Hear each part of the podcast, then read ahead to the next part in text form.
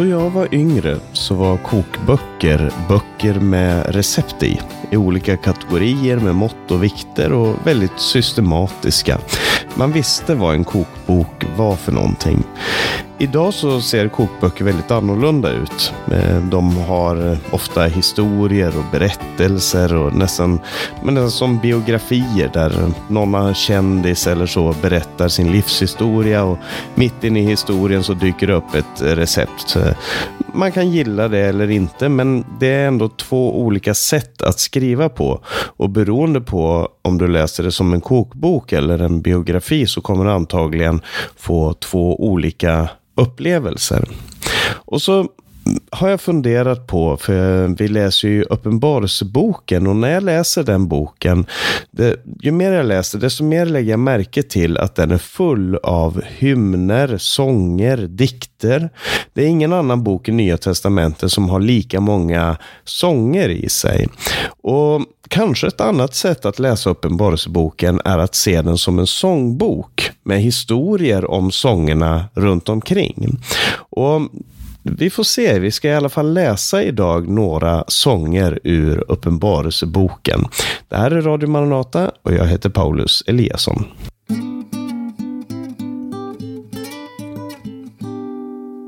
I vårt förra program där vi talade om de sju sändebreven i kapitel 2 och 3 i Uppenbarelseboken så konstaterade vi att eh, församlingarnas stora utmaning det var frågor om förförelse och förföljelse, yttre påtryckningar och inre påtryckningar. Eh, och man kan ju fråga sig då när, när aposteln och Jesus har talat till församlingarna om det här, så kan man fråga sig vad är motgiftet mot det här? Hur ska vi bevaras från att drivas bort ifrån Gud och från Jesus eh, med de strömmar som finns i den här tiden? Hur ska vi bevaras ifrån eh, ondskan? Hur ska vi bevaras ifrån att förlora troheten till Jesus? Och det verkar som att eh, Uppenbarelseboken säger att vi behöver ett himmelskt perspektiv. För det första som händer i kapitlet efter de här sändebreven, det är att Johannes, han kommer i anden och han skådar in i himmelen. Det är en dörr som är öppen in i himlen och han får se in i himmelen. Och jag tror att den undervisningen som vi möter i de här kapitlen eh, och den himmelska visionen som aposteln har är där för att hjälpa oss att förstå eh, hur vi ska navigera i den tid som vi är inne i. När det är så mycket som vill föra oss bort ifrån Gud genom falska läror och genom påtryckningar.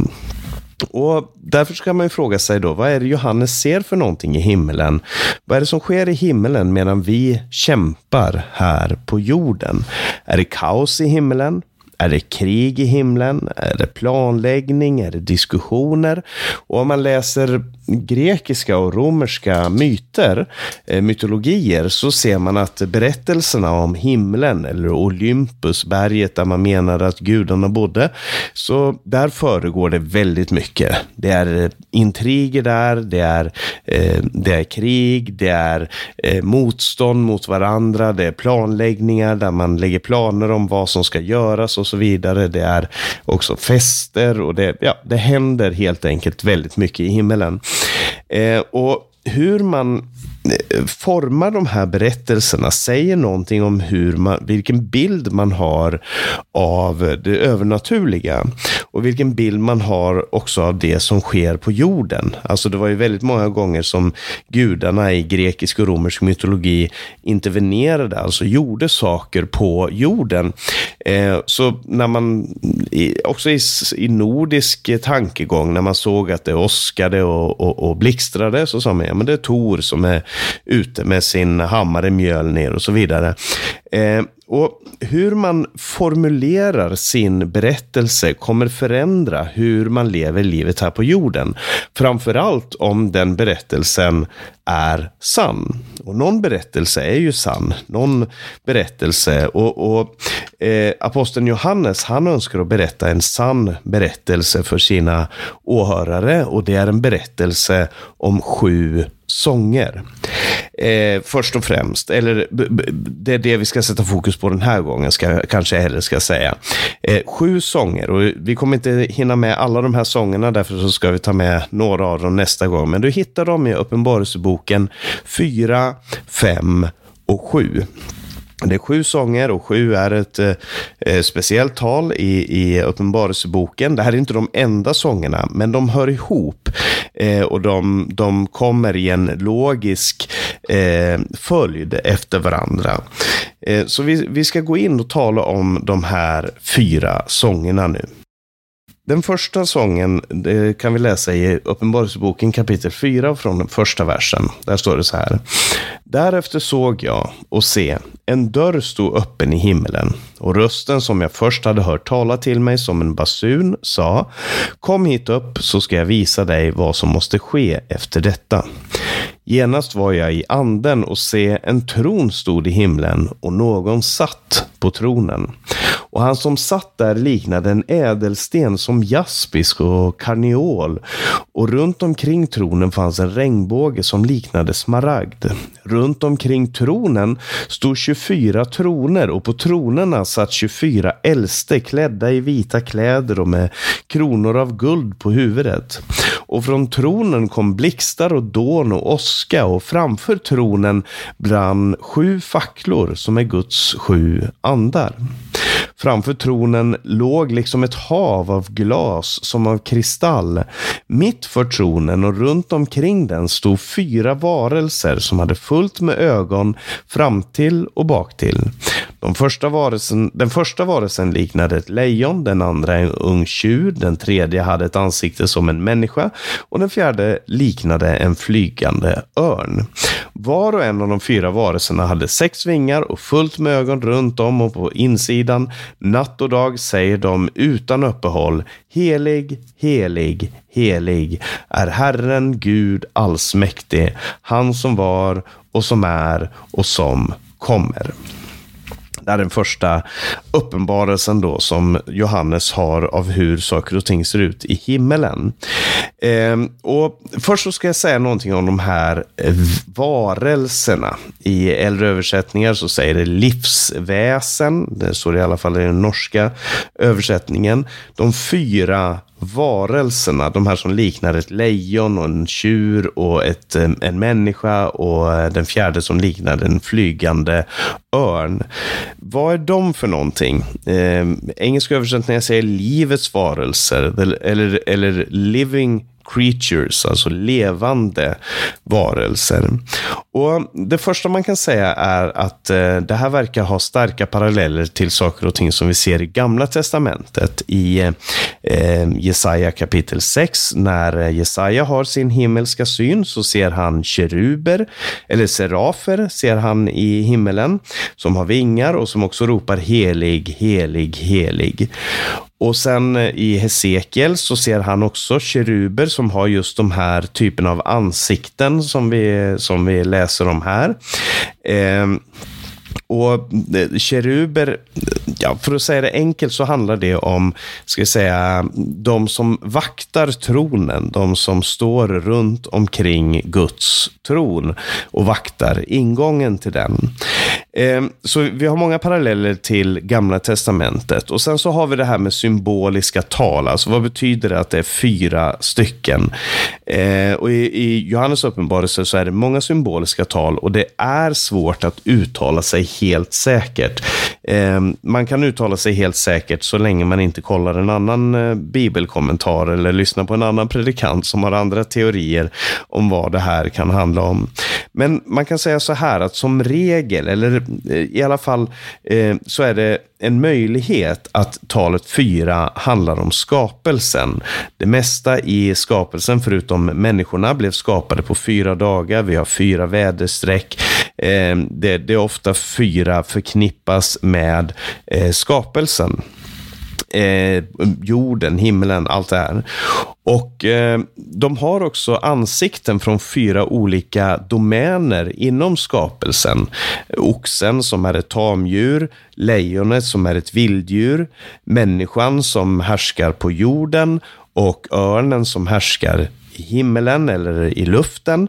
Eh, jag tror uh, utan att jag ska uttala mig alldeles för bastant på det här området, så tror jag ändå att de här fyra varelserna, eller de levande varelserna, livets varelser, att de står i himmelen som representanter för skapelsen. De bär fram jordens lovsång till Gud.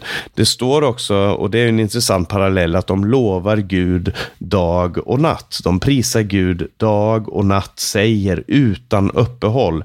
Som är en parallell till psalm 19 som säger att skapelsen, eh, hela Guds skaparverk vittnar om Gud både dag och natt. Dagen berättade för natten och natten vittnade om det för dagen. Så, så det, jag tror att det här kan ses som representanter för hela skapelsen.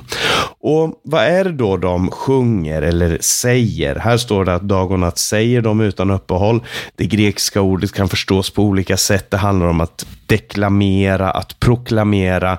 Det är i alla fall en slags poesi som ligger här. Det ser man i, i eh, hur, det är, hur uttalandena är eh, upplagda som i verser helt enkelt. Eh, men vad är det de säger då? Jo, de säger helig, helig, helig är Herren Gud allsmäktig, han som var och som är och som kommer.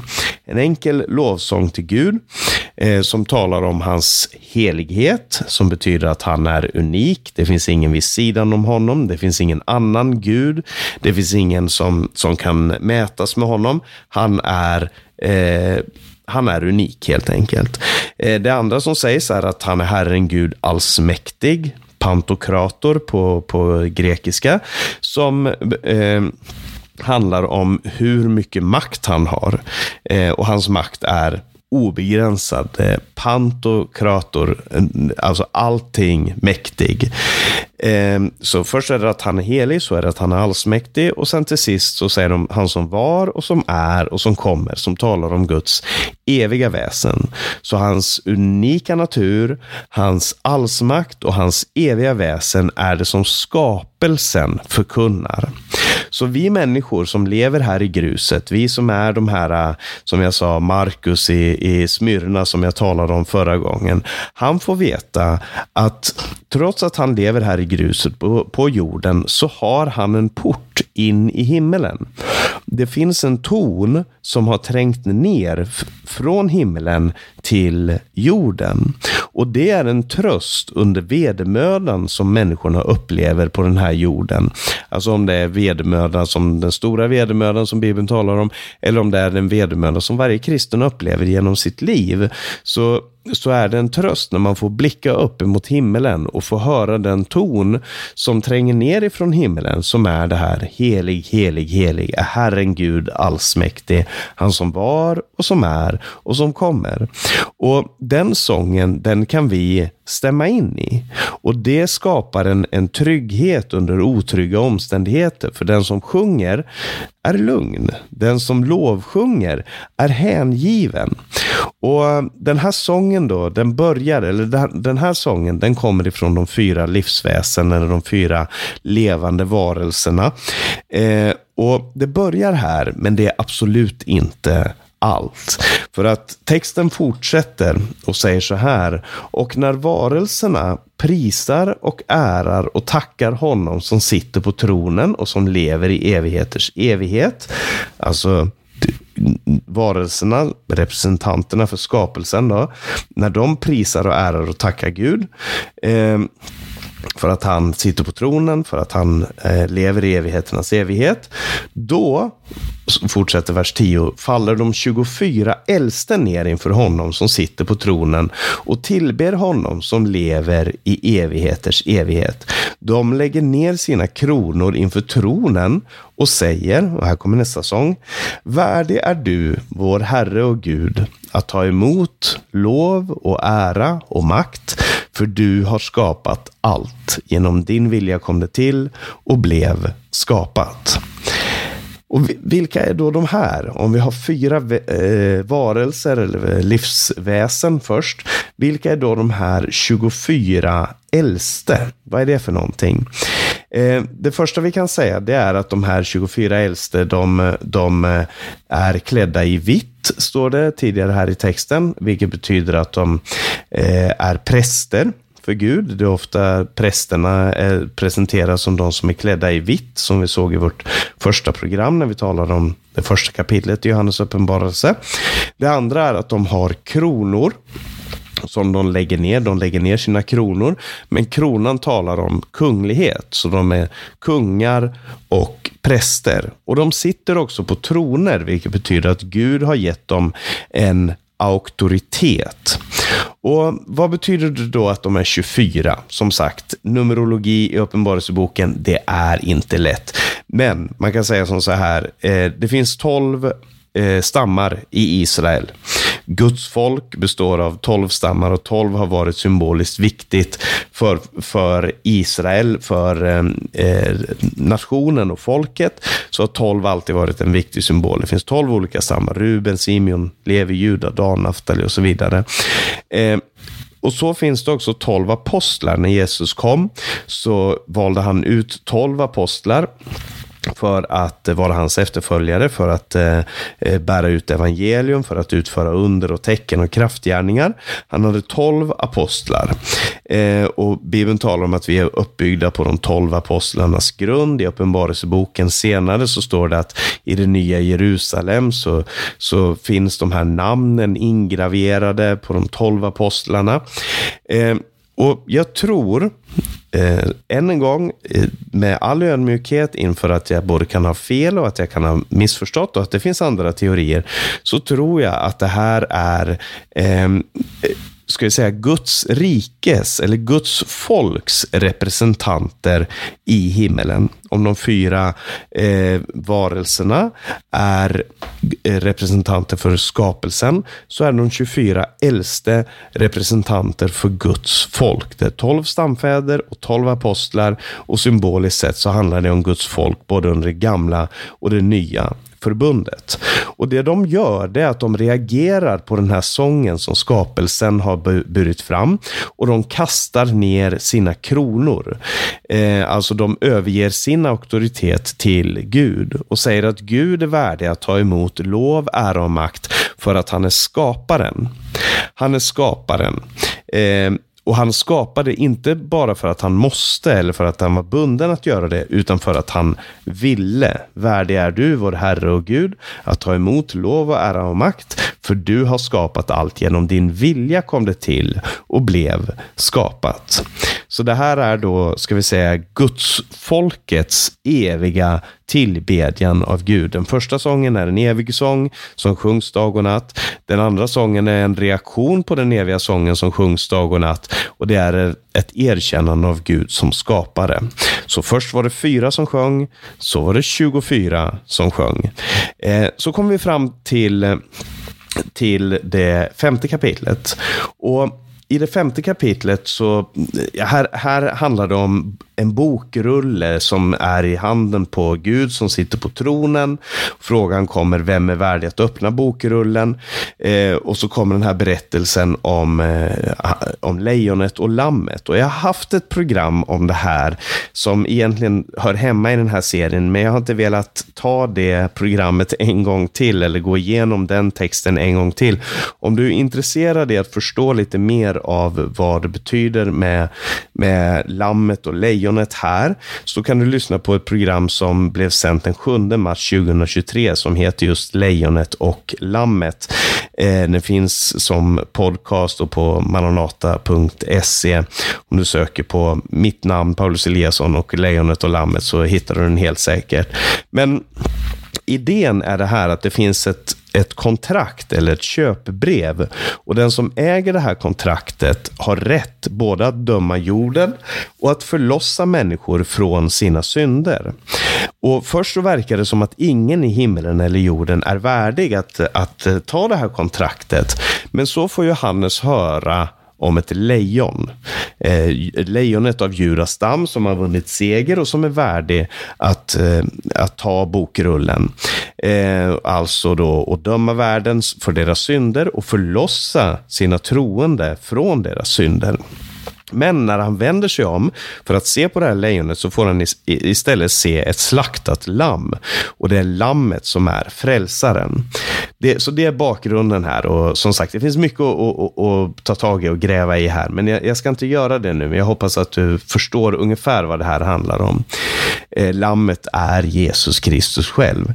Och så står det, och lammet gick fram, det här är sjunde versen i femte kapitlet. Och lammet gick fram och tog bokrullen ur högra handen på honom som satt på tronen. Och när det tog bokrullen föll de fyra varelserna och de 24 äldste ner inför lammet. Var och en hade en harpa och skålar av guld fyllda med rökelse som är de heligas böner. Och de sjöng en ny sång och sa, du är värdig att ta bokrullen och bryta dess sigill, för du har blivit slaktad och med ditt blod har du friköpt människor åt Gud av alla stammar och språk och länder och folk. Du har gjort dem till ett kungarike och till präster åt vår Gud och de ska regera på jorden. Så vad, vad är det som händer här nu? Jo, Eh, den ära som man hittills har visat guden allsmäktige, eh, den visar man nu lammet. Först så var det de fyra varelserna som lovade eh, Gud som satt på tronen. Så var det de 24 äldste som när de hörde den sången föll ner och också tillbad Gud som skaparen. Men nu så kommer de och de har harpor som är instrument och de har eh, sina böneskålar som är bönerna, de har instrument och de har böner och de sjunger en ny sång. Och den här frasen, en ny sång, sjung till Herren en ny sång, den dyker upp flera gånger i Saltaren. Eh, I Salmernas bok, där betyder det här med en ny sång, betyder en sång som är född ut ur en ny erfarenhet. Alltså man har mm, någonting som tidigare var helt okänt. Någonting helt nytt har hänt på jorden och det vill man sjunga om. Det föds en sång ut ur det. Eh, och det som har skett som är nytt i den här berättelsen, det är att lammet har slaktats och lammet har vunnit seger. Lammet har nu fått rätt rätten att regera tillsammans med sitt folk. Eh, lammet är värdig att öppna bokrullen och dess sju sigill. Eh, lammet är värdigt att friköpa människor. Han har betalningen för att friköpa människor. Eh, så det de sjunger, den nya sången som de sjunger, den säger att lammet är värdig, för det första. Eh, de säger att lammet har blivit slaktat. Lammet som blev slaktat är värdig att ta emot makten, rikedomen, visheten, kraften, äran, härligheten och lovsången. Det här är ju mer intensivt då än det vi läste i, i det fjärde kapitlet, eh, där de också sa att Gud var värdig till att ta emot lov, ära och makt. Men här är det flera ting som läggs till och det kommer när vi ser kommande sånger. För det som sagt det är sju sånger, men vi kommer bara komma igenom de tre första under det här programmet. Men när vi ser de kommande eh, fyra sångerna så ser vi att det här blir ännu mer intensivt, och ännu, ännu mer omfattande och ännu större.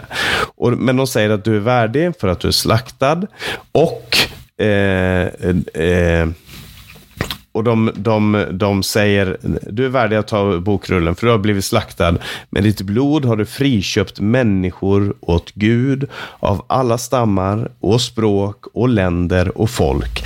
Med Jesu Kristi blod så har, har människor ur alla stammar, språk, länder och folk, alla nationer på jorden har blivit förlossade. Du har gjort dem till ett kungarike och till präster åt vår Gud och de ska regera på jorden. Det, det är det som Gud har bestämt och det kan ju verka märkligt när man är som sagt en, en Markus ifrån, eh, ifrån Smyrna. Så kan det verka märkligt att höra, men har Gud bestämt att vi ska regera på jorden? Ja, men varför lever vi under de omständigheter som vi gör? Men det att följa Gud och att lovsjunga Gud på det här sättet, det eh, är en proklamation av den verklighet som är verklig, men som vi kanske inte alltid ser med våra ögon. När vi sjunger att Gud är Herre, att han är värdig att ta emot, att han har makten, att han har riket, att han har friköpt ett folk, att han, att han eh, att han är den som har vunnit seger på alla sätt och vis, då förkunnar vi och, och erkänner någonting som, som vi har gripit tag i genom tron. Så den här sången den blir mer omfattande. Nu är det ju både de 24 äldste och de fyra varelserna som sjunger tillsammans. Så nu är det 28 stycken som sjunger. Eh, och den här sången kommer bli ännu mer omfattande när ännu flera stämmer in. Och när vi sjunger det här, sången om skaparen och om frälsaren, då stämmer vi in i himmelens lovsång. När vi sjunger våra lovsånger här på jorden, när vi eh, tar tag i de här sångerna som finns här och gör dem till våra egna, när vi samlas en grupp på två eller tre eller tio eller tjugo eller hundra eller vad det än kan handla om. När vi samlas och sjunger så sjunger vi tillsammans med keruberna och tillsammans med de äldste i himmelen. Det här är både den eviga sången som har funnits sedan skapelsens morgon och den nya sången som bröt fram vid Golgata. Den jubeltonen som bröt fram vid Golgata, den kan vi också vara med och sjunga. Och när vi evangeliserar så sprider vi den här sången vidare. Och det är vår kallelse här på jorden att sprida sången om skaparen och frälsaren, om Gud allsmäktig och lammet. Och nästa gång i Radio Maranata så ska vi se på de fyra andra sångerna som eh, fullbordar den här historien.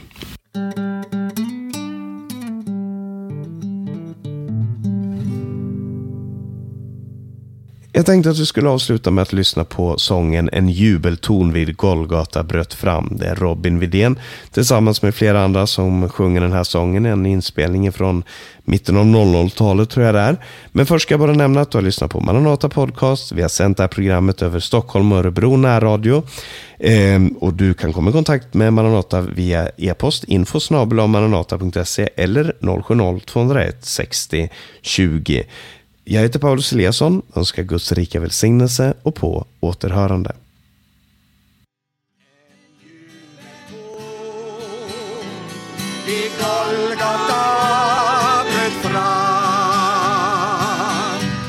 Min själ blev